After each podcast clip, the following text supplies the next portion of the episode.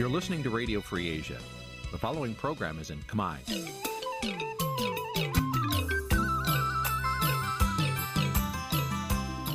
នេះជាកម្មវិធីផ្សាយ Vuthu Azizi Serai នេះជាកម្មវិធីផ្សាយរបស់ Vuthu Azizi Serai ជាភាសាខ្មែរ Vuthu Azizi Serai សូមស្វាគមន៍លោកអ្នកនាងទាំងអស់ពីរដ្ឋធានី Washington នៃសហរដ្ឋអាមេរិក បាទលោកនាងជាទីមេត្រីពីទីក្រុងមែលប៊នប្រទេសអូស្ត្រាលីខ្ញុំបាទថាថៃសូមជម្រាបសួរលោកនាងកញ្ញាដែលកំពុងតាមដានការផ្សាយរបស់វិទ្យុអាស៊ីសេរីទាំងអស់ជាទីមេត្រីយើងខ្ញុំសូមជូនកម្មវិធីផ្សាយសម្រាប់យប់ថ្ងៃពុធ11រោចខែភទ្របទឆ្នាំខាលចត្វាស័កពុទ្ធសករាជ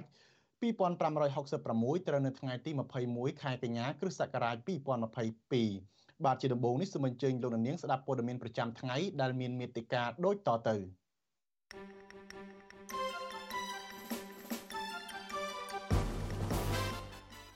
តុលាការចាប់ផ្ដើមសួរដេញដោលលើអង្គហេតុថ្មីនៃសំណុំរឿងចោតលោកកឹមសុខាថាក្បត់ជាតិលោកហ៊ុនសែនទៅចូលរួមមហាសន្និបាតអង្គការសហប្រជាជាតិស្របពេលបាតុកម្មត្រៀមធ្វើបាតកម្មប្រឆាំងលោកសហជីពនិងកម្មករមិនពេញចិត្តចំពោះការដំឡើងប្រាក់ឈ្នួល200ដុល្លារសម្រាប់ឆ្នាំ2023 ក្រុមអង្គការសង្គមស៊ីវិលធ្វើបន់កាន់បិណ្ឌវេនទី11ជូនដល់ប្រសង់ការពារព្រៃឈើមេតាធម្មជាតិខេត្តកំពង់ស្ពឺរួមនឹងព័ត៌មានសំខាន់សំខាន់មួយចំនួនទៀត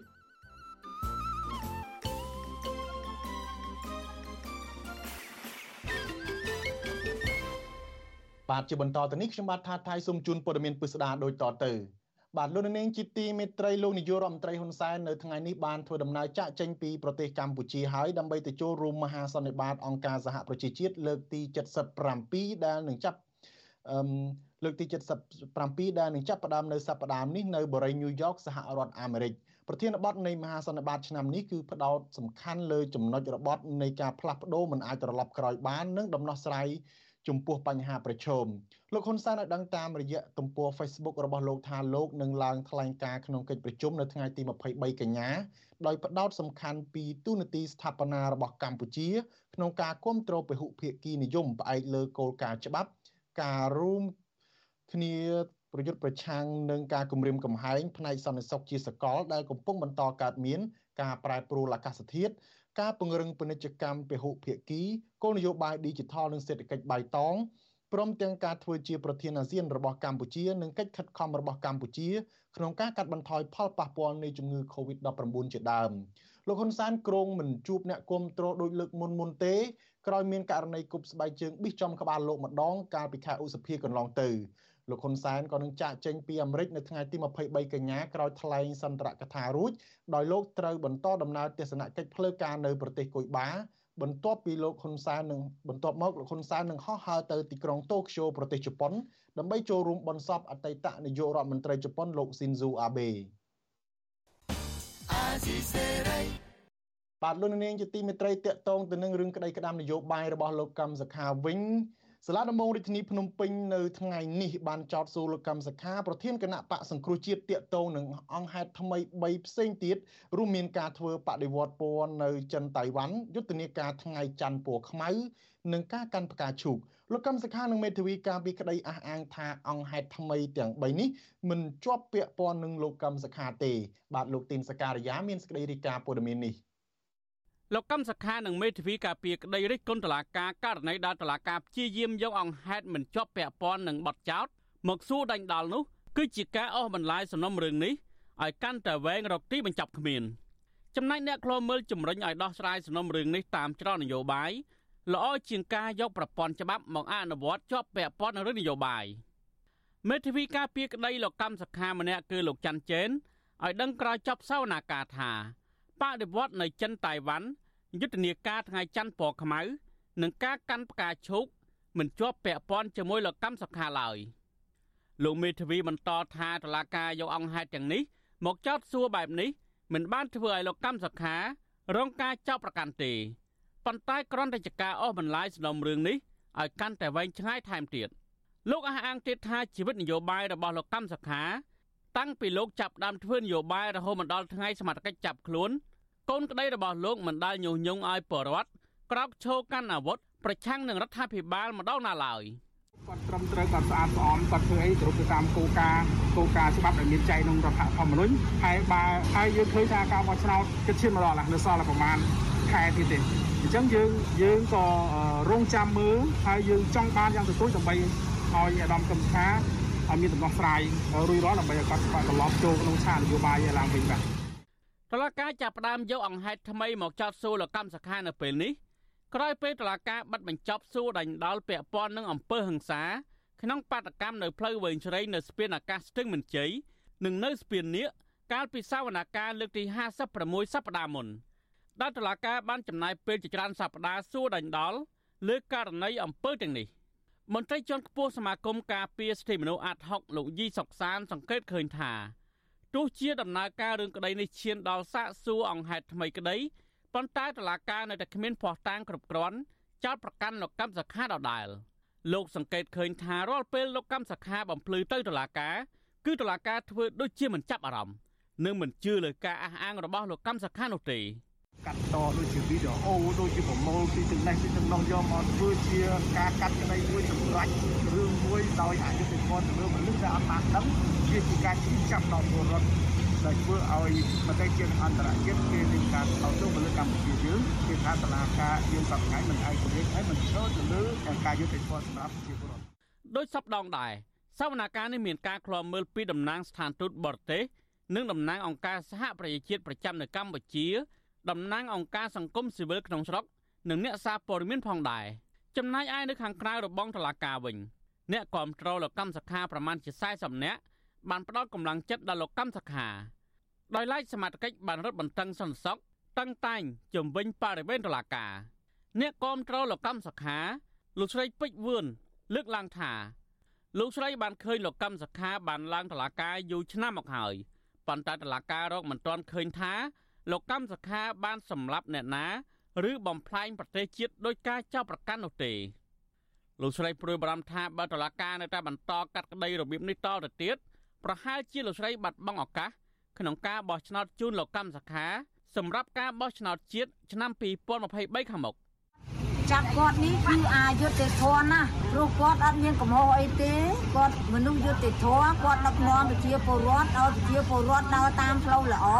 មិនមែនឲ្យប្រជាពលរដ្ឋនឹងទៅលួចទៅប្លន់ប្រើគ្រឿងញៀនទេខ្ញុំស្រឡាញ់គាត់ឃើញគាត់ដឹកនាំល្អបើមិនល្អខ្ញុំមិនអាចបោះឈានមកទេទោះបីគ្មានមរៀលក៏ខ្ញុំមកដែរ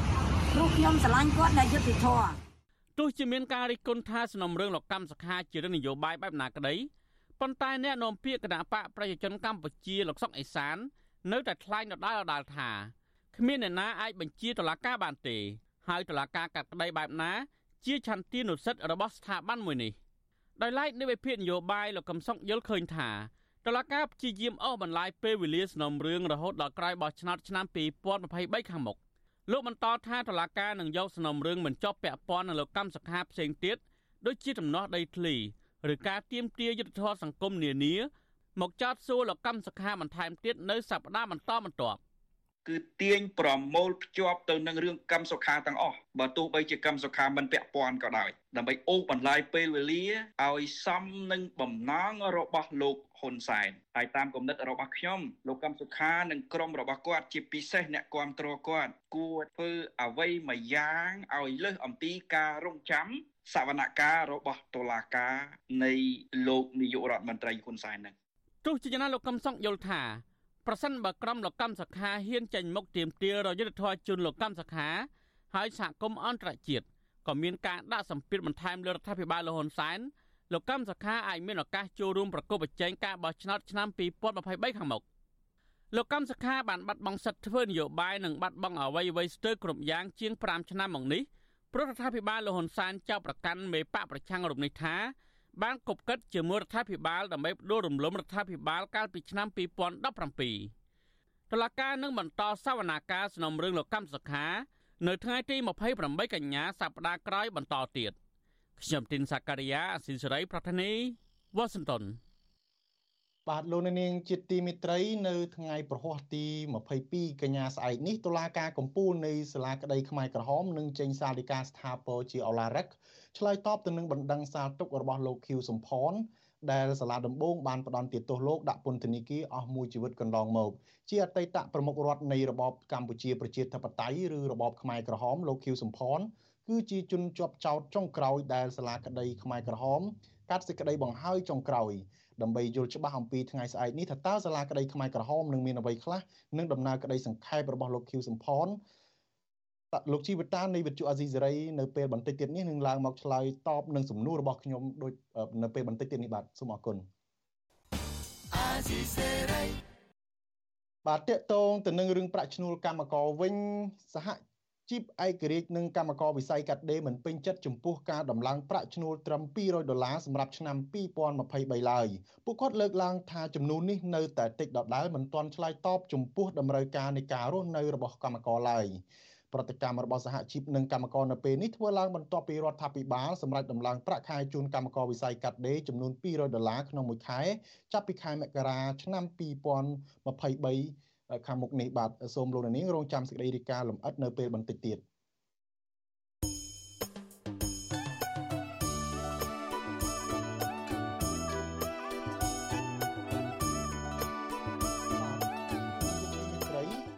មួយចំនួនដែលកំពុងធ្វើការនៅឯប្រទេសថៃកំពុងជួបការលំបាកផ្នែកជីវភាពនិងពិបាកទទួលបានការងារធ្វើដោយសារតែថៅកែតម្រូវឲ្យពួកគាត់ធ្វើឯកសារច្រើនជាងមុនដែលត្រូវចំណាយអស់ថវិកាច្រើនម្យ៉ាងវិញទៀតពួកគាត់ត្អូញត្អែថាការងារនៅប្រទេសថៃបច្ចុប្បន្នមិនសូវសម្បូរដូចពេលមុននោះទេដែលជាហេតុធ្វើឲ្យពួកគាត់ត្បិតត្បៀតការចំណាយ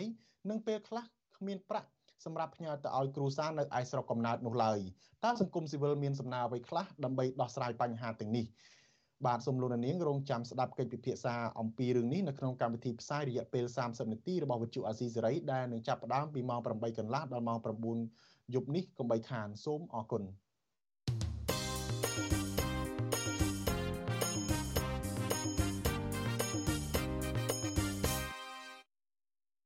បាទលោកនាងជាទីមេត្រីតកតងទៅនឹងរឿងពិធីបុណ្យភ្ជុំបិណ្ឌវិញក្រុមអង្គការសង្គមស៊ីវិល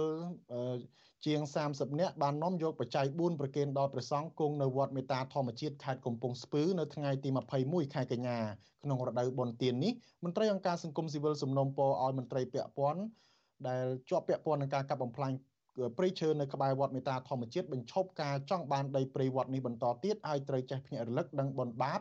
ដើម្បីផ្ដល់ក្តីសុខដល់សត្វព្រៃនិងប្រសង់ដែលគង់នៅតំបន់នោះបាទលោកសីបណ្ឌិតរាយការណ៍ព័ត៌មាននេះសហភាពសហព័ន្ធចំណីអាហារនិងសេវាកម្មនៅកម្ពុជាព្រមទាំងសមាគមសម្ព័ន្ធនិស្សិតបញ្ញវន្តខ្មែរបានដឹកនាំបុគ្គលិកនិងយុវជនរួមគ្នារួមមានអង្គត្រីខមី និងថវិកាមួយចំនួន ទៅប្រគេនព្រះសង្ឃដែលគង់នៅវត្តមេតាធម្មជាតិនៅក្នុងស្រុកអូរ៉ាល់ខេត្តកំពង់ស្ពឺ។ ប្រធានសហព័ន្ធសហជីពចំណីអាហារនិងសេវាកម្មនៅកម្ពុជា អ្នកស្រីអ៊ូទេផូលីនប្រាប់បទសុអាស៊ីសេរីថាមូលហេតុដែលក្រុមអង្គការសង្គមស៊ីវិលនាំយកបច្ច័យ4ប្រគៀនព្រះសង្ឃនៅវត្តព្រៃមេតាធម្មជាតិព្រោះព្រះសង្ឃគង់នៅក្នុងវត្តនេះកំពុងខ្វះខាតចង្ហាន់ជាមួយគ្នានេះអ្នកស្រីអ៊ូទេផូលីនសំណូមពរដល់ប្រជាពលរដ្ឋចូលរួមធ្វើបុណ្យនៅវត្តមេតាធម្មជាតិព្រោះកន្លងមកព្រះសង្ឃគង់នៅក្នុងវត្តនេះបានធ្វើការលះបង់ច្រើន ក្នុងការការពារព្រៃឈើដែលជាជំរកសត្វព្រៃកន្លងមកយើងមើលឃើញថាវត្តផ្សេងផ្សេងក៏មានញាតិញោមពុទ្ធបរិស័ទលោកជ្រះថ្លានៅក្នុងការប្រគេននៅចង្ហាន់តយទាននៃទៅហើយអញ្ចឹងយើងឃើញថានៅទីដសែនឆ្ងាយហ្នឹងលោកខ្វះខាតច្រើនអញ្ចឹងបើសិនជាយើងបានប្រើប្រាស់ពេលវេលាហ្នឹងជួយដល់ព្រះអង្គខ្លះទៅដែលព្រះអង្គបាន លះបង់ច្រើនណាស់ដែលយើងមិនបានធ្វើដោយព្រះអង្គអញ្ចឹងជាឱកាសមួយដែលយើងជួយទៅលើតយទានដល់ចិត្តជ្រះថ្លាជុំគ្នាអញ្ចឹងទៅក៏បានជាកសលផលបុណ្យអញ្ចឹងណាស្រដៀងគ្នានេះដែរប្រធានសមាគមសម្ព័ន្ធនិស្សិតបញ្ញវន្តខ្មែរ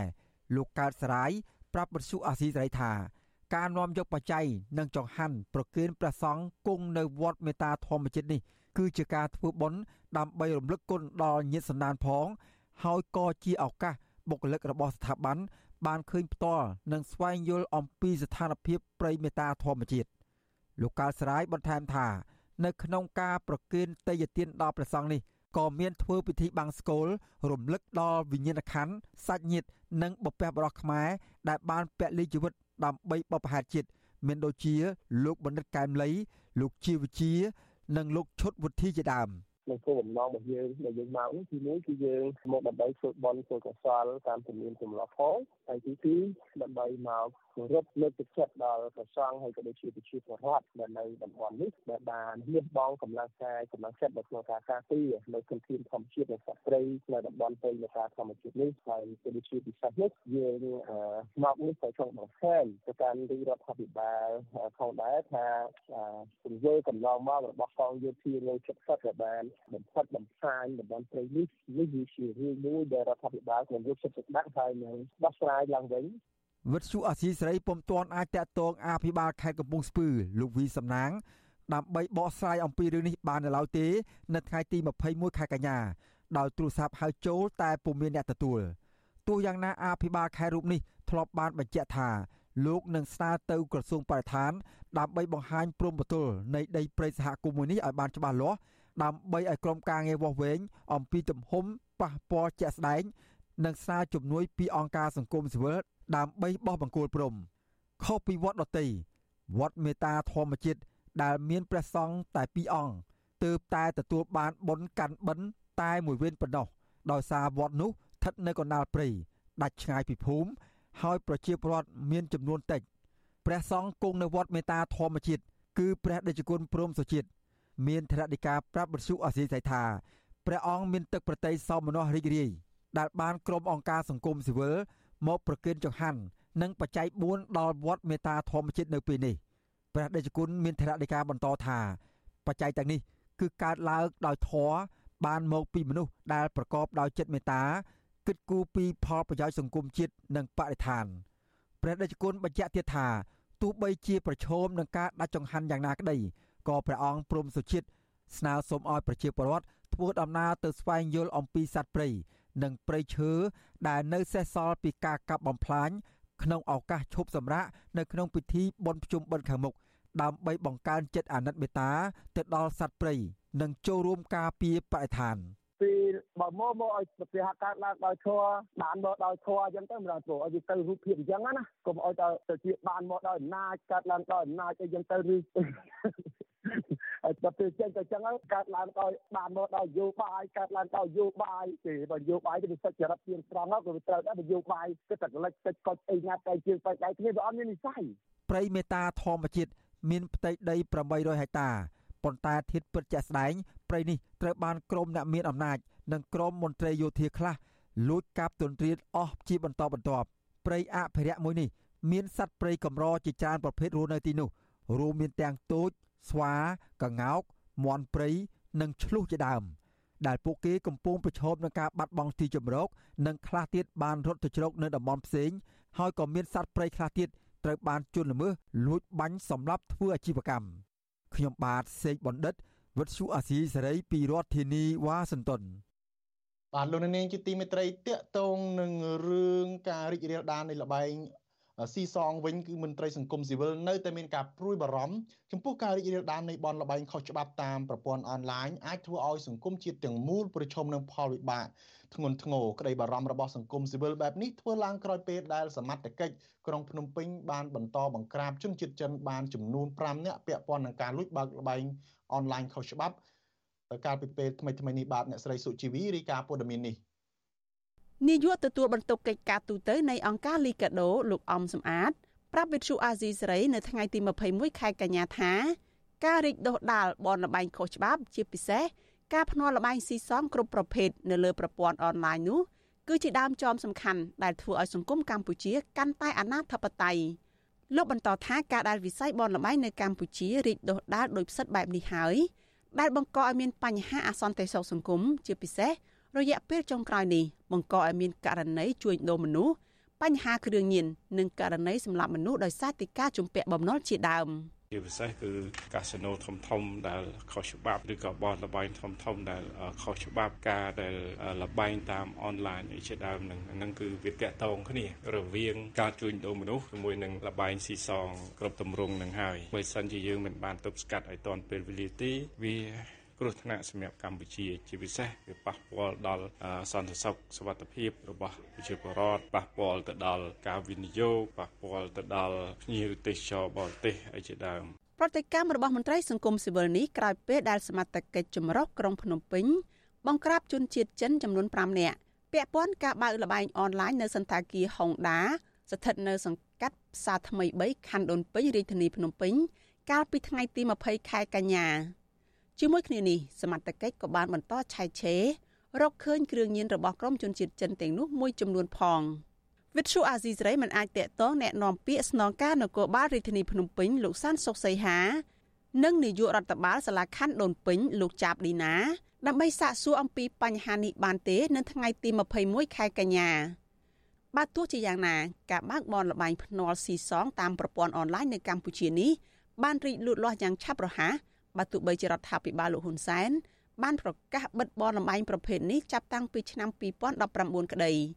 ក្រុមហ៊ុនបនលបែងអនឡាញទាំងនោះភាគច្រើនគេស្គាល់ថាជាក្រុមហ៊ុនចិនដែលមានការភ្នាល់ជលមន់បៀនិងលបែងឆ្នោតឡូតូជាដើមលបែងប្រភេទនេះមាននៅស្ទើរទូទាំងប្រទេសជាពិសេសនៅតាមសហគមន៍តំបន់ភូមិដាច់ស្រយាលប្រជាពលរដ្ឋមួយចំនួនហាក់មិនសូវគិតខ្វល់ខ្វាយអំពីការប្រកបរបរទៀតឡើយ ដោយពួកគាត់តែងនាំគ្នាយកលុយទៅផ្សងសំណាងនិងលបែងភ្នាល់តាមប្រព័ន្ធអនឡាញទាំងនោះនៅតាមតំបន់ភូមិខ្លះក៏មានកុមារកម្រិតបឋមសិក្សាសំលុយឪពុកម្ដាយដើម្បីភ្នាល់លបែងតាមប្រព័ន្ធអនឡាញនេះដែរកន្លងមកគណៈកម្មការគ្រប់គ្រងលបែងពាណិជ្ជកម្មកម្ពុជាធ្លាប់លើកឡើងថាបនលបែងស៊ីសងតាមមូលដ្ឋានទាំងនោះសុទ្ធសឹងតែខុសច្បាប់ព្រោះគ្មានអាជ្ញាប័ណ្ណនិងបានជំរុញឲ្យអាជ្ញាធរមានសមត្ថកិច្ចតាមមូលដ្ឋាន ចុះអន្តរាគមបិទទីតាំងបនលបែងខុសច្បាប់ទាំងនោះនារយៈពេលចុងក្រោយនេះអាជ្ញាធរមានសមត្ថកិច្ចទូទាំងប្រទេសចាប់ផ្ដើមបង្ក្រាបនិងទប់ស្កាត់បនលបែងខុសច្បាប់គ្រប់ប្រភេទក្រោយពីលោកនាយរដ្ឋមន្ត្រីហ៊ុនសែនប្រមានដកមុខតំណែងតួនាទីរបស់មន្ត្រីអាជ្ញាធរនៅតាមខេត្តនីមួយៗប្រសិនបរដ្ឋាភិបាលមិនបង្ក្រាបឲ្យមានប្រសិទ្ធភាពទេនោះប្រភេទអាជីវកម្មខុសច្បាប់តាមអនឡាញទាំងនេះនឹងបង្កអាសន្នទៅសុខសង្គមការកើនឡើងភាពក្រីក្រ និងសិលធម៌សង្គមកាន់តែធ្លាក់ចុះ នាងខ្ញុំសូជីវី With you Azizi Saray ពីរដ្ឋធានី Washington បាទលោកនាងជាទីមេត្រីសហជីពឯករាជ្យនិងកម្មករក្នុងវិស័យកាត់ដេរមិនពេញចិត្តចំពោះការដំឡើងប្រាក់ឈ្នួលត្រឹមចំនួន200ដុល្លារសម្រាប់ឆ្នាំ2023ឡើយពួកគាត់លើកឡើងថាចំនួននេះនៅតែតិចដែលមិនទាន់ឆ្លើយតបចំពោះតម្រូវការនៃការរស់នៅរបស់កម្មករឡើយប្រតិកម្មរបស់សហជីពនិងកម្មករនៅពេលនេះ ធ្វើឡើងបន្ទាប់ពីរដ្ឋាភិបាលសម្រេចដំឡើងប្រាក់ខែជូនកម្មករវិស័យកាត់ដេរចំនួន200ដុល្លារក្នុងមួយខែចាប់ពីខែមករាឆ្នាំ2023ដូចតទៅកម្មករនយោជិតផ្នែកវាយនភ័ណ្ឌកាត់ដេរផលិតស្បែកជើងនិងផលិតផលធ្វើដំណើរនិងកាបូបនឹងទទួលបានប្រាក់ឈ្នួល6ដុល្លារបន្ថែមទៀតពីលើប្រាក់ឈ្នួលបច្ចុប្បន្នចំនួន194ដុល្លារ ដែលនាំឲ្យកើនដល់ចំនួន200ដុល្លារក្នុងមួយខែសម្រាប់ឆ្នាំ2023ក៏ប៉ុន្តែសហជីពនិងកម្មករចាត់ទុកថាការដំឡើងប្រាក់នេះនៅតែមានកម្រិតទាបដដែលប្រធានសហព័ន្ធសហជីពកម្ពុជាអ្នកស្រីយ៉ាងសុភ័ណ្ឌសោកស្ដាយចំពោះរដ្ឋាភិបាលដែលមិនអាចដំឡើងប្រាក់ឈ្នួលឲ្យលើសពី200ដុល្លារតាមការចង់បានរបស់កម្មករអ្នកស្រីថាការដំឡើងប្រាក់ឈ្នួលត្រឹម6ដុល្លារបន្ថែមនេះនៅតែមានកម្រិតទាបបើធៀបទៅនឹងការចំណាយប្រចាំថ្ងៃរបស់កម្មករខណៈចំនួនថ្ងៃឈប់សម្រាកថ្ងៃបុណ្យ ក៏ត្រូវបានកាត់បន្ថយច្រើនដែលធ្វើឲ្យកម្មករខាត់បង់ផលប្រយោជន៍មួយចំនួនទៀត។ ខ្ញុំសោកស្ដាយខ្លាំងមែនទែនដែល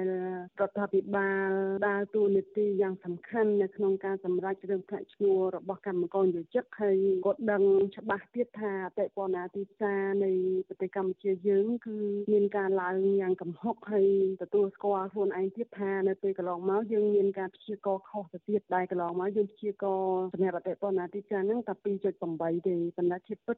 ឡើងរហូតដល់5%ហើយរដ្ឋាភិបាលទទួលស្គាល់ខ្លួនឯងទៀតចឹងណាហើយបន្តមកធ្វើការសម្រេចទៅលើប្រាក់ឈ្នួលបងប្អូនកម្មករនិយោជិតសម្រាប់ឆ្នាំ2023នេះគឺឡើងបានតែ6ដុល្លារពីលើ194អញ្ចឹងពីខ្ញុំខ្ញុំសោកស្ដាយខ្លាំងណាស់លទ្ធផលនៃកិច្ចប្រជុំក្រុមប្រឹក្សាជាតិប្រាក់ឈ្នួលអបបរមានៅព្រឹកថ្ងៃទី21កញ្ញាបានសម្រេចដំឡើងប្រាក់ខែកម្មករវិស័យកាត់ដេរសម្រាប់ឆ្នាំ2023ចំនួន198ដុល្លារហើយរដ្ឋាភិបាលផ្ដល់ឲ្យ2ដុល្លារបន្ថែមទៀតដូច្នេះសរុបចំនួន200ដុល្លារ នីតិវិធីនៃការដំឡើងប្រាក់ឈ្នួលនេះគឺធ្វើឡើងតាមរយៈការបោះឆ្នោតជាសម្ងាត់លើទូលេខប្រាក់ឈ្នួលចំនួន4ផ្សេងគ្នាដោយភាគីសហជីពចំនួន17រូបភាគីនយោជកចំនួន17រូបនិងភាគីរដ្ឋាភិបាល17រូបភាគីសហជីពបានដាក់ចេញតួលេខចំនួន3ផ្សេងគ្នាគឺតួលេខ213ដុល្លារតួលេខ210ដុល្លារនិងតួលេខ206ដុល្លារចំណែកភាគីនយោជកនិងភាគីរដ្ឋាភិបាលបានដាក់ចេញតួលេខ198ដុល្លារដូចគ្នា ក៏ប៉ុន្តែលទ្ធផលបោះឆ្នោតបង្ហាញថាតួលេខ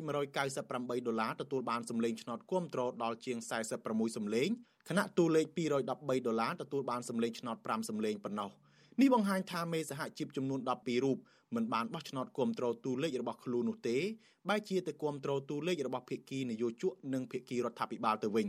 ប្រធានសម្ព័ន្ធសហជីពចលនាកម្មករកម្ពុជាលោកប៉ៅស៊ីណាថ្លែងថានេះមិនមែនជារឿងចម្លែកនោះទេ ព្រោះតាំងពីដើមរហូតមកនៅក្នុងចំណោមភាគីសហជីពទាំង17រូបនោះភាគច្រើនមាននិន្នាការទៅរករដ្ឋាភិបាលឬនយោជកហើយមានតិចតួចប៉ុណ្ណោះដែលធ្វើការងារដោយឯករាជ្យនិងការពារផលប្រយោជន៍ជូនកម្មករ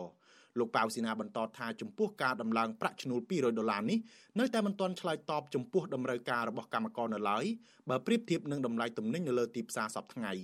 ដោយសារតែសម្លេងសហជីពគឺមកពីស្ថាប័នផ្សេងខុសៗគ្នាប៉ុន្តែគ្រាន់តែថាប្រហែលជានិន្នាការការងារខុសគ្នាបន្តិចដោយសារតែយើងអាចមើលឃើញថាខ្ញុំអញ្ចឹងគឺជាសហជីពឯករាជ្យយើងតែងតែឈរជាមួយនឹងបងប្អូនកម្មករយើងតែងតែការពារនៅអ្វីដែលជាផលប្រយោជន៍ក៏ដូចជាបញ្ហាសិទ្ធិរបស់ពួកគាត់តាំងពីដើមមក តំណាងសហជីពឯករាជ្យដែលតែងតែចេញមុខការពារផលប្រយោជន៍ជូនកម្មករក្នុងពេលប្រជុំចរចាប្រាក់ឈ្នួលជាមួយភាគីនយោជកនិងតំណាងរដ្ឋាភិបាលជារៀងរាល់ឆ្នាំនោះមានដូចជាលោកប៉ៅស៊ីណាលោកអាត់ធុនអ្នកស្រីយ៉ាងសុភ័ណ្ឌនិងតំណាងសហជីពសេរីកម្មករអ្នកស្រីសំស្រីមុំតកតងនឹងរឿងនេះរដ្ឋមន្ត្រីក្រសួងការងារនិងបណ្ដុំបណ្ដាលវិជាជីវៈលោកអ៊ិតសំហេងថ្លែងប្រាប់អ្នកកាសែតក្រោយកិច្ចប្រជុំថាការសម្រេចដំឡើងប្រាក់ឈ្នួល198ដុល្លារបូកនឹងការផ្ដល់ប្រាក់2ដុល្លារបន្ថែមរបស់លោកនាយករដ្ឋមន្ត្រីហ៊ុនសែន នឹងធ្វើឲ្យជីវភាពរស់នៅរបស់កម្មករនិយោជិត និងក្រុមគ្រួសាររបស់ពួកគាត់កាន់តែមានភាពល្អប្រសើរជាងមុនដូច្នេះ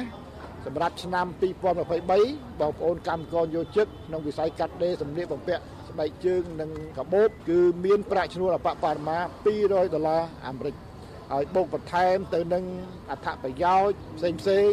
ដែលមានស្រាប់ដូចជាប្រាក់សហយធ្វើដំណើរស្នាក់នៅប្រាក់រង្វាន់ទៀងការងារទៀងទាត់ ប្រាក់ដេញរង្វាន់អតីតភាពគឺបងប្អូនយើងមាន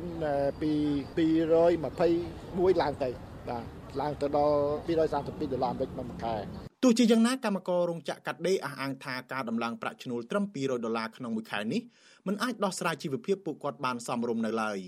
កម្មការនីរោងចក្រនៅភ្នំពេញមួយរូបលោកស្រីយ៉នយឺត រៀបរាប់ថាលោកស្រីមិនទាន់ពេញចិត្តចំពោះការដំឡើងប្រាក់ឈ្នួល6ដុល្លារបន្ថែមនេះឡើយព្រោះនៅតែមានចំនួនតិចដដែលហើយមិនអាចទប់ទល់ជាមួយនឹងទំនិញនិងបន្ទប់ជួលឡើងថ្លៃនោះទេ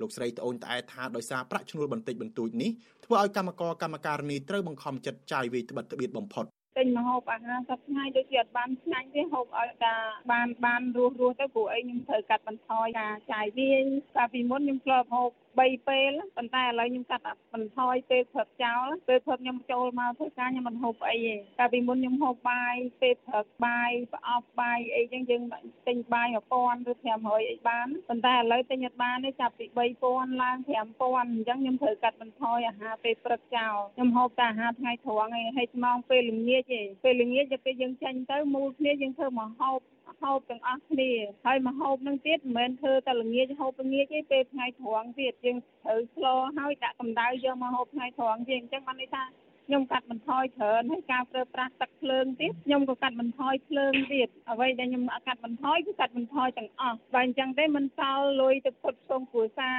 ម្ដាយចាស់ជរាឬមានកូនរៀនមានអីទេ បើទោះបីជាកម្មករនិងសហជីពមិនពេញចិត្តចំពោះប្រាក់ឈ្នួលនេះក៏ពួកគាត់មិនហ៊ានប្រើប្រាស់សិទ្ធិតវ៉ាទាមទារប្រាក់ឈ្នួលដូចមុនឡើយដោយសាររដ្ឋាភិបាលលោកហ៊ុនសែនបំបិទសិទ្ធិសេរីភាពជាមូលដ្ឋានរបស់ពួកគាត់និងខ្លាចរអាបន្ទាប់ពីមានការប៉ះទង្គិចគ្នាយ៉ាងខ្លាំងក្លារវាងកម្មករនិងសមត្ថកិច្ចនៅលើផ្លូវវែងស្រេងកាលពីដើមឆ្នាំ2014កន្លងទៅដែលបានបណ្ដាលឲ្យបាតុករចំនួន4នាក់ស្លាប់និងបាត់ខ្លួនម្នាក់និង23នាក់ត្រូវបានចាប់ខ្លួនក្រុមកម្មករនៅតែយល់ថាប្រសិនបើរដ្ឋាភិបាល អាចជួយដំឡើងប្រាក់ឈ្នួលឆ្នាំ2023ដល់213ដុល្លារទោះនៅតែមិនច្រើនក៏អាចជួយសម្រួលបន្ទុកពួកគាត់បន្ថែមទៀតខ្លះដែរបាទលោកនាងជាទីមេត្រីតកតងនឹងរឿងនេះយើងក៏បានអញ្ជើញប្រធានសហភាពការងារកម្ពុជាលោកអាត់ធុនដើម្បីសួរដេញដោលលោកបន្ថែមទៀតតកតងទៅនឹងការដំឡើងប្រាក់ឈ្នួលនេះបាទសូមជម្រាបសួរលោកអាត់ធុនបាទបាទបាទជម្រាបសួរបាទ បាទអរគុណលោកអាត់ធុនបាទអឺខ្ញុំក៏ចង់បានប្រតិកម្មរបស់លោកបន្ថែមឯចំពោះការដំឡើងប្រាក់ឈ្នួលនៅថ្ងៃនេះនឹងមានចំនួន200ដុល្លារបន្ថែមទៀតតើតើលោកមានប្រតិកម្មបែបណាដែរចំពោះប្រាក់ឈ្នួលនេះបាទបាទចំពោះខ្ញុំផ្ទាល់ខ្ញុំគិតថាយើងមានការខកចិត្តចំពោះលទ្ធផលដែលយើងគ្រោងស្នើរហូតដល់213ប៉ុន្តែទីបំផុតគឺថាអឺ សម្លេងឆ្នោតគ្រប់គ្រងតែ198ហើយបូកនឹងរដ្ឋាភិបាលផ្ដល់តែត្រឹម200ប៉ុណ្ណោះហើយដូច្នេះគឺយើងមិនពេញចិត្តនៅក្នុងលទ្ធផលនេះទេក៏ប៉ុន្តែចំពោះការងារនេះគឺអ្វីៗវាបានសម្រេចទៅហើយព្រោះក្រសួងការងារបានចេញប្រកាសដើម្បីអនុវត្តសម្រាប់ឆ្នាំក្រោយទៅហើយហើយដូច្នេះគឺយើងខ្ញុំនឹងបន្តជជែកគ្នាជាមួយនឹងតំណាងសហជីពនៅតាមមូលដ្ឋានតើតើគាត់ពេញចិត្តមិនពេញចិត្តឬក៏យ៉ាងណាហើយអឺ បន្តទៅនេះគឺខ្ញុំគិតថាអ្វីដែលយើងអាចនឹងជជែកបានគឺថានៅតាមរោងចក្រសហគ្រាសក៏គេអាចនឹងបន្តជជែកបានហើយចំណុចផ្សេងផ្សេងទៀតក្រៅពីប្រាក់ឈ្នួលបើសិនជាប្រាក់ឈ្នួលនេះវាមិនមានជំរើសផ្សេងទៀតគឺមានដូចជាយើងធ្លាប់ស្នើឲ្យរដ្ឋាភិបាលហ្នឹងបញ្ចុះតម្លៃទឹកភ្លើងអគ្គិសនីឬក៏ហេដ្ឋារចនាសម្ព័ន្ធរៀបចំស្បែកស្រួលដល់កម្មករហើយជាពិសេសគឺថាបើអាចទៅរួច គឺទប់តម្លៃតំណែងទីផ្សារជាពិសេសដូចជាសាំងឬក៏សម្ភារៈមួយចំនួនហ្នឹងគឺថាឲ្យវានៅកម្រិតល្មមដែលអាចកម្មករហ្នឹងអាចចំណាយបានបាទបាទបាទអឺយើងឃើញថានៅក្នុងការចរចានេះមានខាងសហជីពបានដាក់តួលេខដល់ទៅ3ហើយប៉ុន្តែ ខាងភេកគីនយោជកនិងខាងភេកគីរដ្ឋាភិបាលនឹងបានដាក់តួលេខដូចគ្នាគឺ198ខាងសហជីពដាក់តួលេខ3 213 210ដុល្លារនិង206ដុល្លារក៏ប៉ុន្តែទីបំផុតទៅសហជីពដែលនៅក្នុងសមាជិកចរចានឹងមានដល់17រូបបែរជាឃើញដល់ពេលបោះឆ្នោតគ្រប់គ្រងតួលេខរបស់ខ្លួនដែលបានដាក់ចេញហ្នឹងឃើញមានតែ5សម្លេងទៅវិញលោកអាតធុនមិនបានអញ្ចឹងបាទបាទយើងបានដឹងតាំងពីថ្ងៃទី13កន្លងទៅ នៅពេលដែល ភាគីកម្មករយោជិតមកជជែកពិភាក្សាផ្ទៃក្នុង គឺយើងឃើញសហជីពមួយចំនួនដែលមិនឯករាជ្យហើយគាត់អាចថានៅក្នុងមតិពលយុទ្ធនឹងរដ្ឋាភិបាលគាត់ទាញមកទូលេខត្រឹមតែ106ទេ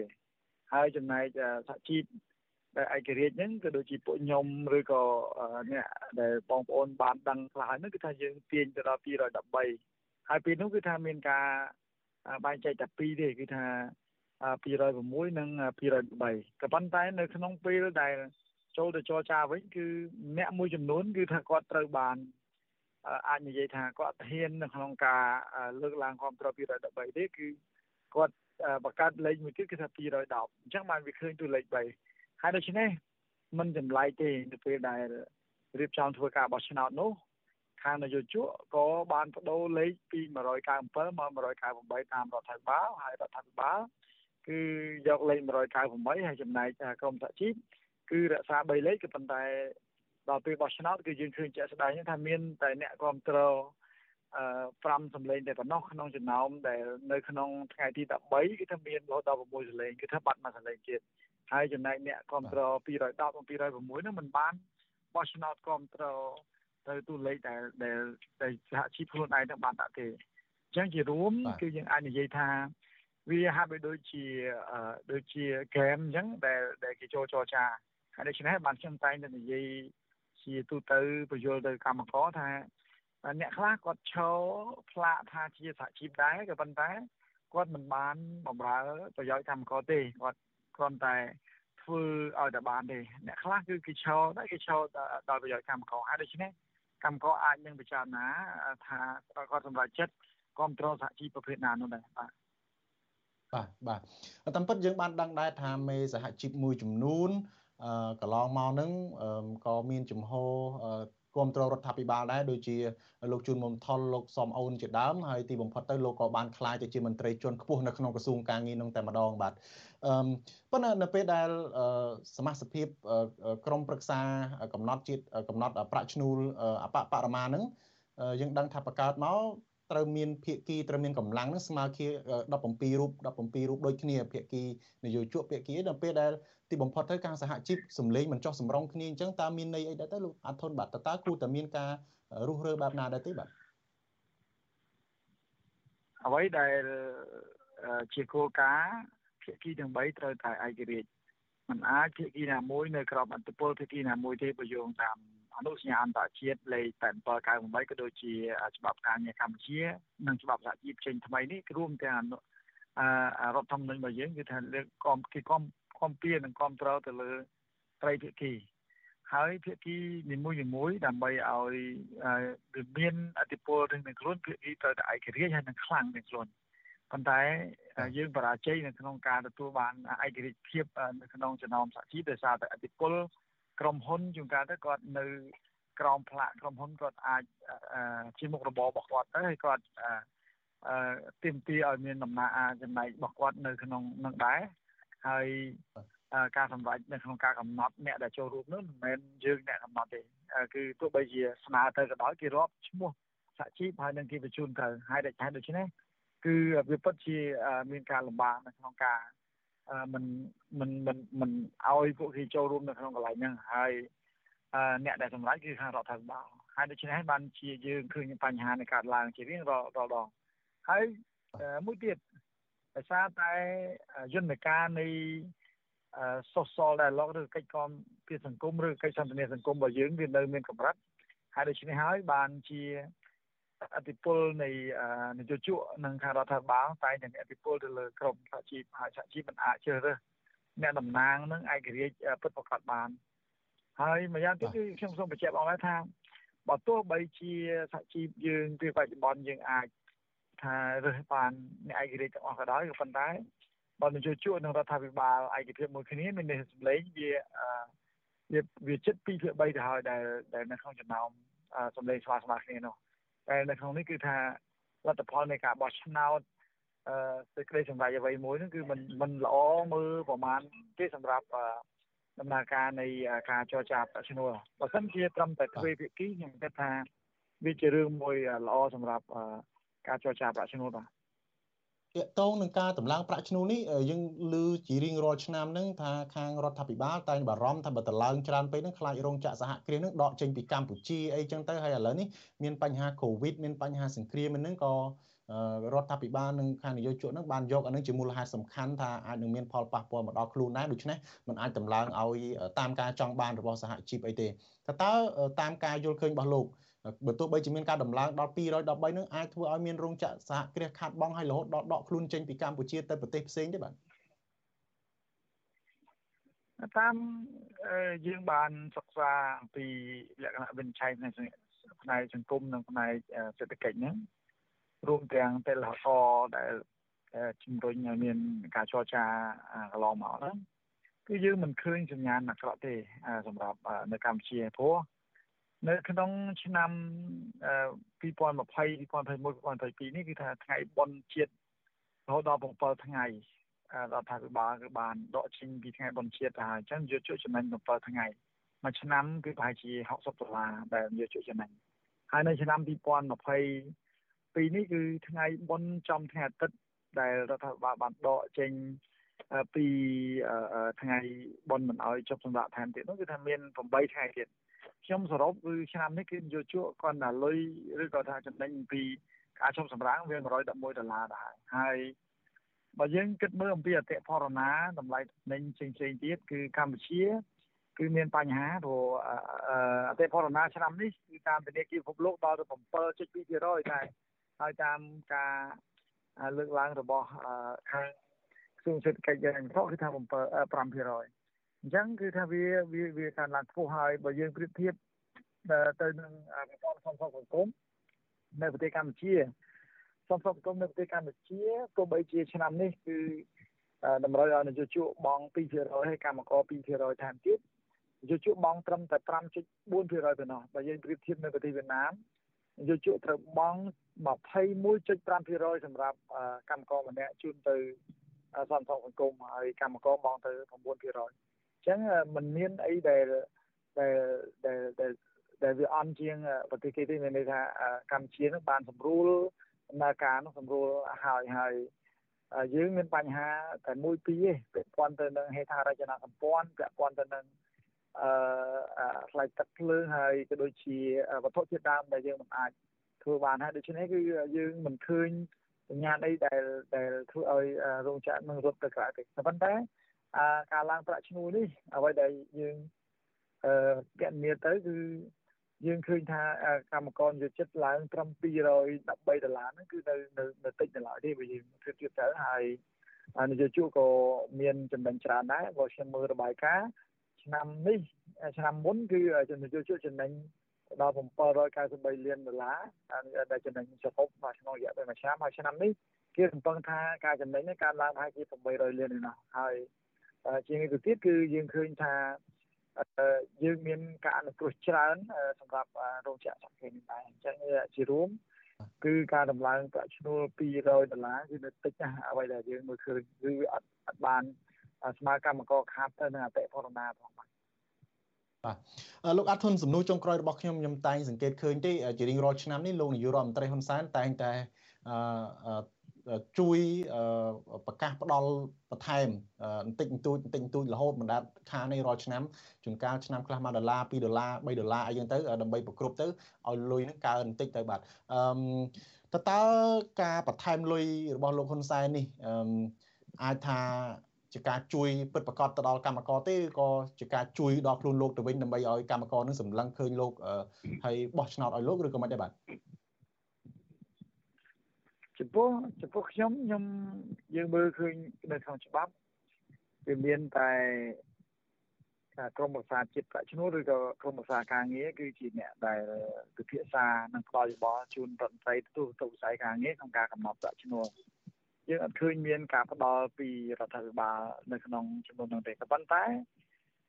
ក្នុងនាមរដ្ឋមន្ត្រីទូទៅវិស័យការងារគឺគាត់នឹងចេញប្រកាស សម្រាប់អនុវត្តប្រាក់ឈ្នួលបបរមានេះក្រោយពីការផ្ដល់យោបល់ពីក្រមប្រឹក្សាជាតិឈ្នួលឬក៏ហៅថា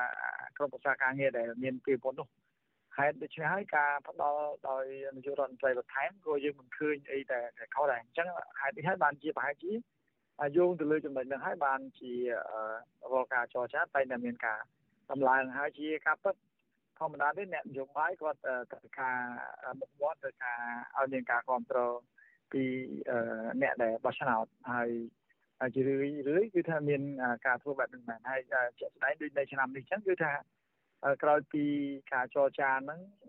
យល់ព្រមគ្នាត្រឹមតែ198គឺថាមានការបន្ថែម2ដុល្លារពីនាយករដ្ឋមន្ត្រីទៀតអញ្ចឹងឡើងដល់200ដុល្លារនេះគឺជា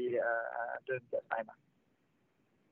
បាទអរគុណលោកអាត់ធុនខ្ញុំមានសំណួរតែប៉ុណ្ណេះទេបាទសូមអរគុណសូមជម្រាបលាលោកបាទ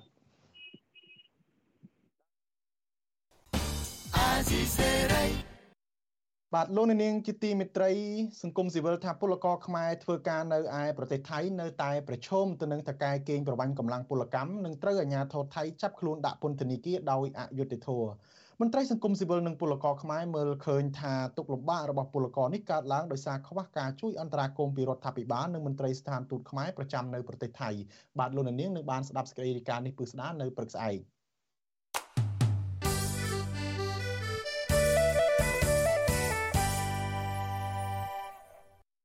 បាទលោកនាងជាទីមេត្រីពលករខ្មែរមួយចំនួនដែលកំពុងធ្វើការនៅប្រទេសថៃកំពុងជួបការលំបាកផ្នែកជីវភាពនិងពិបាកទទួលបានការងារធ្វើដោយសារតែថៅកែបានតម្រូវឲ្យពួកគាត់ធ្វើឯកសារច្រើនជាងមុនដែលត្រូវចំណាយអស់ថវិកាច្រើនម្យ៉ាងវិញទៀតពួកគាត់ត្អូញត្អែថាការងារនៅឯប្រទេសថៃបច្ចុប្បន្នមិនសូវសម្បូរដូចពេលមុននោះទេដែលជាហេតុធ្វើឲ្យពួកគាត់ត្បិតត្បៀតការចំណាយនិងពេលខ្លះគ្មានប្រាក់សម្រាប់ផ្ញើទៅឲ្យគ្រួសារនៅឯស្រុកកំណើតនោះឡើយ។ តើសង្គមស៊ីវិលមានសំណើអ្វីខ្លះដើម្បីដោះស្រាយបញ្ហាទាំងនេះ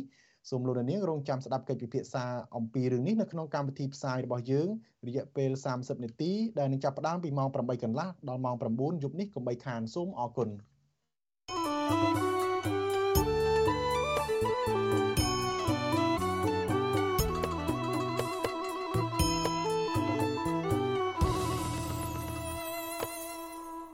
បាទលោកនាងជាទីមេត្រីយើងចាប់អារម្មណ៍តាក់ទងទៅនឹងសាលាក្តីខ្មែរក្រហមវិញម្ដងនៅថ្ងៃប្រហ័សទី22ខែកញ្ញាស្អែកនេះតុលាការកំពូលនៃ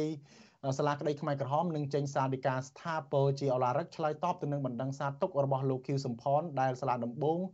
ផ្ដន់ទាទោសលោកដាក់ពន្ធនាគារអស់មួយជីវិតកន្លងមកអតីតជាអតីតប្រមុខរដ្ឋនៃរបបប្រជាធិបតេយ្យនៃរបបកម្ពុជាប្រជាធិបតេយ្យឬរបបខ្មែរក្រហមលោកខៀវសំផន អឺ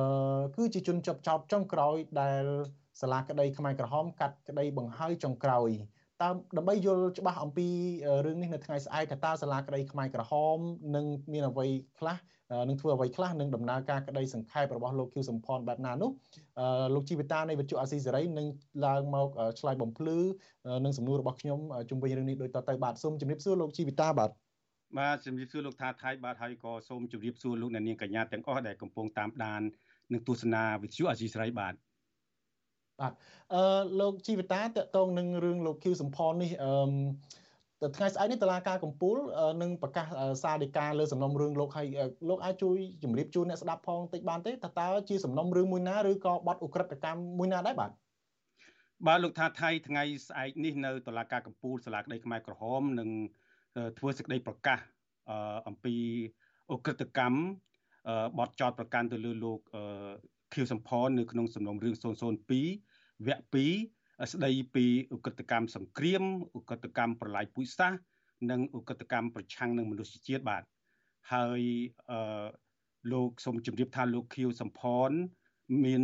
តឡាការសាលាក្តីខ្មែរក្រហមបានចោទប្រកាន់ហើយបំបែកសំណុំរឿងទៅជា2 ទី1គឺសំណុំរឿង002វគ្គ1ស្ដីពីការជំលះទាំងបង្ខំនៅប្រជាពលរដ្ឋខ្មែរចេញពីទីក្រុងទូទាំងប្រទេស នៅឆ្នាំ1975ក្រោយពីខ្មែរក្រហមឡើងកាន់អំណាចបាទហើយទី2នៅ ក្នុងសំណុំរឿង002វគ្គ1ដដែលហ្នឹងគឺជាអកតកម្មសម្រាប់មន្ត្រីរាជការទាហាន របស់របបសាធារណរដ្ឋខ្មែររបស់លោកលុនណុលនៅជាច្រើនពាន់នាក់នៅទួលពោជ្រៃនៅក្នុងខេត្តពោធិ៍សាត់បាទប្រសិនបើថ្ងៃស្អែកនឹងតុលាការរកឃើញថាប្រកាសថាអឺលោកខៀវសុផាន់មានទោសមានន័យថាតុលាការអាចនឹងតម្កល់សាលសាលក្រមរបស់សាលាដំបងរបស់សាលាក្តីខ្មែរក្រហមនឹងដោយកាត់ទោសផ្ដន់ទោសឲ្យលោកជាប់ពន្ធនាគារអស់មួយជីវិតហើយ អឺបទចោតប្រកាន់ការផ្ដន់ទោសទាំងពីរនេះនឹងដាក់បញ្ចូលគ្នា មានន័យថាអឺលោកជាប់ទោសអស់មួយជីវិតបាទបាទតើស្អែកនេះលោកខៀវសំផនអាចនឹងឡើងថ្លែងអ្វីទេនៅក្នុងតុលាការបាទថ្ងៃស្អែកនឹងមិនទេ លោកខៀវសំផននិងនឹងមេធាវីរបស់គាត់នឹង នឹងមិនបាននឹងមិនត្រូវអនុញ្ញាតឲ្យឡើងនិយាយស្ដីអីទេពីព្រោះថាលោកខៀវសំផនអឺតុលាការបានអនុញ្ញាតឲ្យគាត់ថ្លែងចុងក្រោយ នៅពាក្យសម្ដីចុងក្រោយរបស់គាត់ កាលពីខែសីហាថ្ងៃទី19ខែសីហាឆ្នាំ2001រួចទៅហើយបាទហើយដូច្នេះទាំង lawyer ទាំងមេធាវីរបស់គាត់ហើយនឹងគាត់មិនមិនមិនអនុញ្ញាតឲ្យឡើងនិយាយទេ គឺអឺតឡាការកម្ពុជាគ្រាន់តែប្រកាសឡើងប្រកាសអឺសាដីកាហើយហើយនឹងមានអឺសន្និសិទកសែតមួយសម្រាប់អ្នកកសែតបាទបាទតើលោកខៀវសំផនបានថ្លែងការនោះថ្លែងពីអ្វីដែរលោកជីវិតាលោកខៀវសំផនការនោះនឹងគឺលោកបានថ្លែង យើងពលរដ្ឋខ្មែរទូទៅភាគច្រើន បានដឹងហើយលោកខៀវសំផនតែងតែបដិសេធនៅការចោទប្រកាន់ទៅលើរូបគាត់បាទអឺដូច្នេះសូមលោកអ្នកនាង ស្ដាប់នៅសម្ដីចុងក្រោយរបស់លោកខៀវសំផនដែលបាននិយាយកាលពីឆ្នាំ2001នៅតុលាការបាទជាច្រើនឆ្នាំក្រោយពីបានអង្គុយជាជនជាប់ចោតនៅពេលបញ្ចប់ រឿងក្តីដ៏យូរលួងនេះ វាសំខាន់ណាស់ចំពោះខ្ញុំជំរាបអស់លោកជាពិសេសជំរាបប្រជាជនកម្ពុជា ថាមិនដែលពេលណាខ្ញុំនឹកឃើញចង់ប្រព្រឹត្តអក្រិតកម្មប្រឆាំងនឹងបងប្អូនរួមជាតិឯងនោះទេឬក៏ប្រឆាំងនឹងអ្នកណាផ្សេងទៀតក៏ដោយទោះបីអស់លោកសម្រាប់យ៉ាងណាក៏ដោយ ខ្ញុំនឹងត្រូវស្លាប់នៅក្នុងគុកខ្ញុំស្លាប់ទៅដោយចងចាំជានិច្ចទុកសោកវេទនារបស់ប្រជាជនកម្ពុជាខ្ញុំស្លាប់ទៅដោយសង្កេតឃើញថាខ្ញុំម្នាក់ឯងចំពោះមុខអស់លោកត្រូវបានគេកាត់ទោសជានិមិត្តរូបជាជាងតាមអង្គើប្រព្រឹត្តជាក់ស្ដែងរបស់ខ្ញុំក្នុងឋានៈ ជាបុគ្គលនោះទេបាទអឺលោកជីវតាយើងស្ដាប់ការលើកឡើងរបស់លោកខៀវសំផនមិញហ្នឹងគឺថាលោកតែងតែបដិសេធរហូតថាគាត់មិនបានប្រព្រឹត្តដោយការចាត់ប្រកាន់របស់សាលាក្តីខ្មែរក្រហមទេដោយមេធាវីរបស់គាត់ហ្នឹងក៏អះអាងដូច្នោះដែរតើតើទាំងលោកខៀវសំផននិងមេធាវីរបស់គាត់ហ្នឹងគាត់មានអីជាសំអាងដើម្បីការពារខ្លួនគាត់ទេក្រៅពីការអះអាងការថាមិនបានធ្វើដោយការចោទប្រកាន់ហ្នឹងបាទ បាទលោកខៀវសំផនតែងតែបដិសេធដោយសារថាលោកកាលនោះគ្រាន់តែជាមេដឹកនាំស្រមោលជាមេដឹកនាំខ្មែរក្រហមជាន់ខ្ពស់មួយរូបដែលមានតែឈ្មោះដោយសារថាលោកមិនមែនជាសមាជិកអឺគណៈអចិន្ត្រៃយ៍នៃគណៈបកកុម្មុយនីសកម្ពុជា បាទហើយអឺលោកបានឡើងធ្វើជាប្រមុខរដ្ឋនៅក្រោយពេលសម្ដេចព្រះនរោត្តមសីហនុបានលាលែងហើយ គាត់ថាគាត់មិនដែលមានអំណាចទេ នៅក្នុងសម័យខ្មែរក្រហម ជាពិសេសសម័យកុម្មុយនីសហ្នឹងគឺអំណាចនៅក្នុងសង្គមនោះគឺយោធាជាអ្នកគ្រប់គ្រងគ្មាននរណាដែលធំជាងយោធាទេនៅពេលនោះហើយមានប៉ុលពតជាជាប្រធានបកដូច្នេះអ្វីអ្វីប៉ុលពតជាអ្នកសម្រេចទាំងអស់គាត់ថាគាត់អត់ដឹងសំបីតែសម្លាប់ពលរដ្ឋថាមានសម្លាប់នៅពូជ្រៃ អឺសម្លាប់ទាហានមន្ត្រីរាជការរាជការសម័យលន់ណុលនោះនៅនៅទួលពូជ្រៃក៏គាត់មិនដឹងថាពូជ្រៃនៅឯណាផង បាទអានេះជាការអះអាងរបស់គាត់ ចំណែកមេធាវីរបស់គាត់នោះគឺបានសំអាងថាលោកខៀវសំផនជាសមាជិកគណៈមជ្ឈិមបកប៉ុន្តែមិនមែនជាសមាជិកអឺគណៈអចិន្ត្រៃយ៍របស់បកកុម្មុយនីសកម្ពុជាទេព្រោះអ្វីអ្វីជាបកកុម្មុយនីសកម្ពុជាជាអ្នកសម្រេចនៅពេលនោះបាទ មេធាវីដូច្នេះលោកខៀវសំផននៅពេលនោះគេគឺលោកមេធាវីគាត់ថាលោកខៀវសំផនធ្វើតែកិច្ចការមួយចំនួនដោយដាវចែកអំបិលចែកប្រហុកដល់ប្រជាជនអីយ៉ាងទៅហើយបានជួបជនបរទេសអីម្ដងម្ដងដែលពលពតប្រើឲ្យតំណាងឲ្យប្រមុខរដ្ឋនៅពេលនោះហើយតកតងនឹងអង្គហេតុនិងអង្គច្បាប់នៅក្នុងតឡាការវិញមេធាវីរបស់លោកលោក ខៀវសំផនសំអាងពីរពីរចំណុចទី1តកតងនឹងអង្គហេតុអង្គហេតុនឹងគឺថានៅពេលដែលសាលាសាលាសាលាក្តីខ្មែរក្រហមទាំងពីរថ្នាក់គឺថ្នាក់សាលាដំបងនិងតុលាការកំពូលពីរថ្នាក់នឹងនៅពេលដែលចេញសារក្រមអឺផ្ដន់ទីទោសលោកខៀវសំផននោះគឺចេញសារក្រមសង្ខេបខ្លីដោយសំអាងខ្លីមែនតែន ដោយគាត់ថាជាធម្មតានៅតាមច្បាប់ខ្មែរក្រហមហ្នឹងច្បាប់សាលាក្តីខ្មែរក្រហមនៅពេលដែលចេញសារក្រមផ្ដន់ទាទោគឺត្រូវចេញឲ្យឲ្យលំអិតអំពីសំអាងហេតុផល ចំណុចទី2គឺអឺចំណុចទី2សាលាតុលាការកពូលក៏ដូចគ្នាអឺចំណុចទី2នោះគឺថាការដែលបំបែកសំណុំរឿងរបស់លោកខៀវសំផនទៅជា2វគ្គ1វគ្គ2ហ្នឹងគឺអឺលោក ចោទថាតឡាការចង់ធ្វើឲ្យលឿនដើម្បីព្រោះថាលោកខៀវសំផនកាន់តែចាស់ហើយខ្លាចស្លាប់ដូចអៀងសេរីហើយនិងអៀងធិរិតទៀតដោយមិនមាននរណាកាត់ទោសមិនបានមាននរណាកាត់ទោសថែមទៀតដូច្នេះតឡាការក៏បង្ខំចិត្តធ្វើបំបាយសំណុំរឿងទី2ទៅ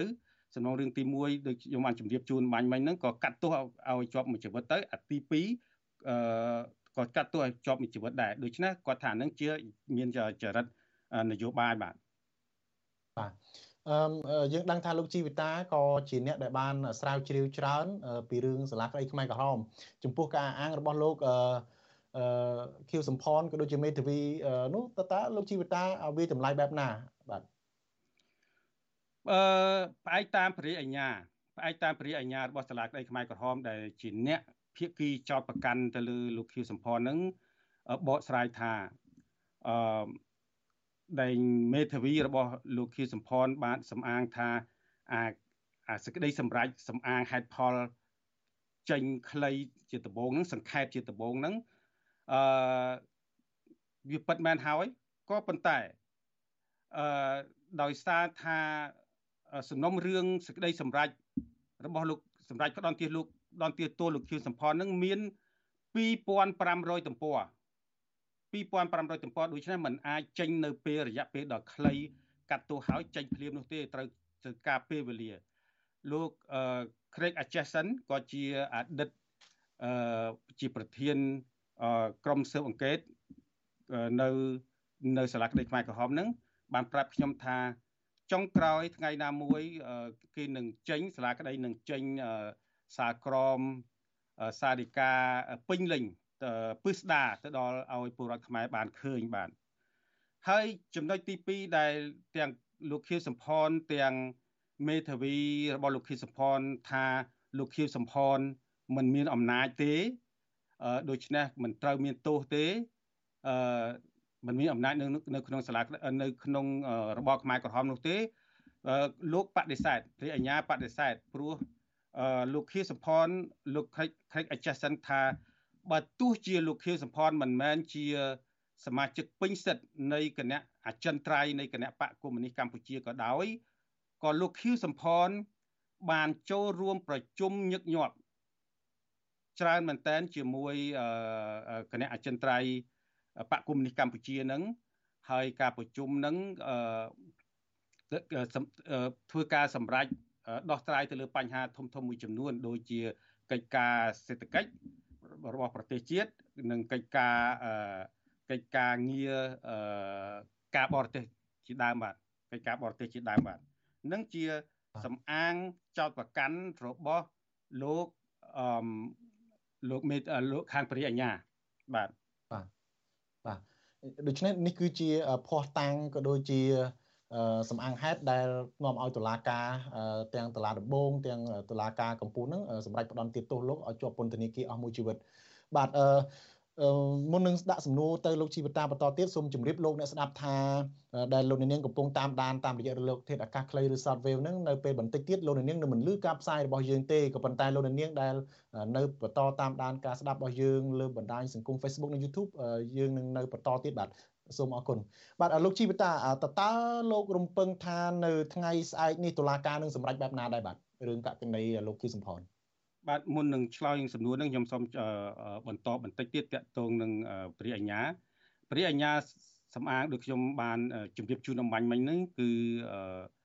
សំអាងហេតុផលចោតប្រកាន់លោកខៀវសំផនហ្នឹងគឺលោកថាលោក Craig Atchison ហ្នឹងអឺប្រាប់ខ្ញុំថាមានផុសតាងច្រើនណាស់ មានផុសតាងច្រើនដែលអាចរកបាននៅលើក្រដាសស្នាមដែលលើអីដែលដែលបញ្ជាក់ថាលោកខៀវសំផនបានចូលរួមប្រជុំជាច្រើនដងនៅក្នុងគណៈអចិន្ត្រៃយ៍នៃបកគុំនីកម្ពុជានឹងបាទបាទហើយចំពោះសំណួររបស់លោកនៅថ្ងៃស្អែកនឹងតើនឹងតឡាតឡាការនឹងសម្រេចបែបណា យើងមិនដឹងទាំងអស់គ្នាទេក៏ប៉ុន្តែខ្ញុំគិតថាតឡាការកម្ពុជានៃសាលាក្តីខ្មែរក្រហមនឹងនឹង សម្រេចតម្កល់សាធិការរបស់ខ្លួនដដែល គឺសម្រាប់ផ្ដន់ទោសឲ្យលោកខៀវសំផនជាប់ពន្ធនាគារអស់មួយជីវិតដែលជាទោសនៅក្នុងប្រទេសកម្ពុជាគ្មានទោសប្រហារជីវិតទេ គឺមានទោសដាក់ទោសអស់មួយជីវិតហើយអឺអាចនឹងដូចលោកលោកកាន់កាច់អៀវហៅដូចដែរប្រធានអតីតប្រធានមន្ទីរស21ឬគុកទួលស្លែងនោះគឺក្រោយពីការសម្រេច អឺសាធិការស្ថាពរហើយ គឺគេនឹងនាំខ្លួនទៅដាក់ពន្ធនាគារអឺរដ្ឋាភិបាលនេះគ្រាន់តែជាការវិនិច្ឆ័យការវិភាគរបស់ខ្ញុំទេមិនដឹងថាអាចយកទៅក៏ប៉ុន្តែស្លាកដីប្រែក្រហមអាចនឹងបញ្ចប់ឆាប់ឆាប់ហើយតំណងជាដឹកតំណងជាយកទៅឃុំនៅតឡាគុកពន្ធនាគាររដ្ឋាភិបាល បាទប៉ុន្តែមិនដឹងពេលណាបាទ បាទបាទអរគុណលោកជីវតាដែលបានឡើងមកបកស្រាយជុំវិញដំណើររឿងក្តីរបស់លោកខៀវសំផនបាទសូមជម្រាបលាលោកជីវតាត្រឹមប៉ុណ្ណេះបាទសូមអរគុណបាទបាទសូមអរគុណបាទបាទលោកនាងជាទីមេត្រីនៅក្នុងកម្មវិធីផ្សាយរបស់យើងនៅពេលបន្តិចទៀតនេះយើងសូមប្រកុលនីតិជូនលោកយ៉ងច័ន្ទរាដើម្បីសម្របសម្រួលកិច្ចពិភាក្សាអំពីករណីពលរដ្ឋខ្មែរដែលនៅប្រទេសថៃជួបបញ្ហាពិបាកផ្នែកការងារបាទសូមអញ្ជើញតាមដានទេសនាដូចតទៅ។